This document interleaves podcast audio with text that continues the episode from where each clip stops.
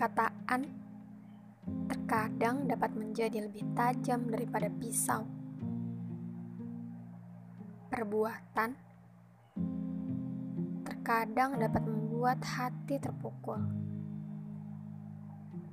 Marah, kesal, dan kecewa tentu adalah hak bagi orang-orang yang tersakiti.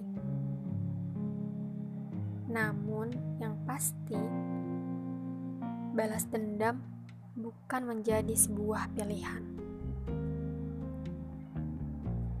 Oleh karena itu, berbesar hati memaafkan bahkan lebih mulia daripada meminta maaf. Kita selalu punya pilihan melaksanakan kebaikan atau memperpanjang keburukan. Terimalah suatu kesalahan, karena lagi-lagi kita manusia.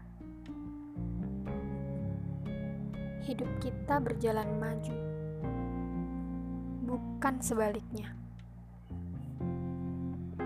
Jangan terjebak dengan selalu mengenang masa lalu.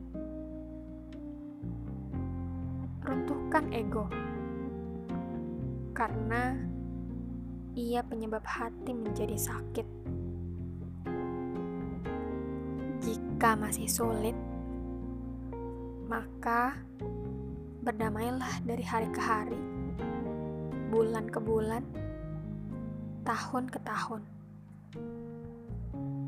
Tapi kita juga perlu mengingat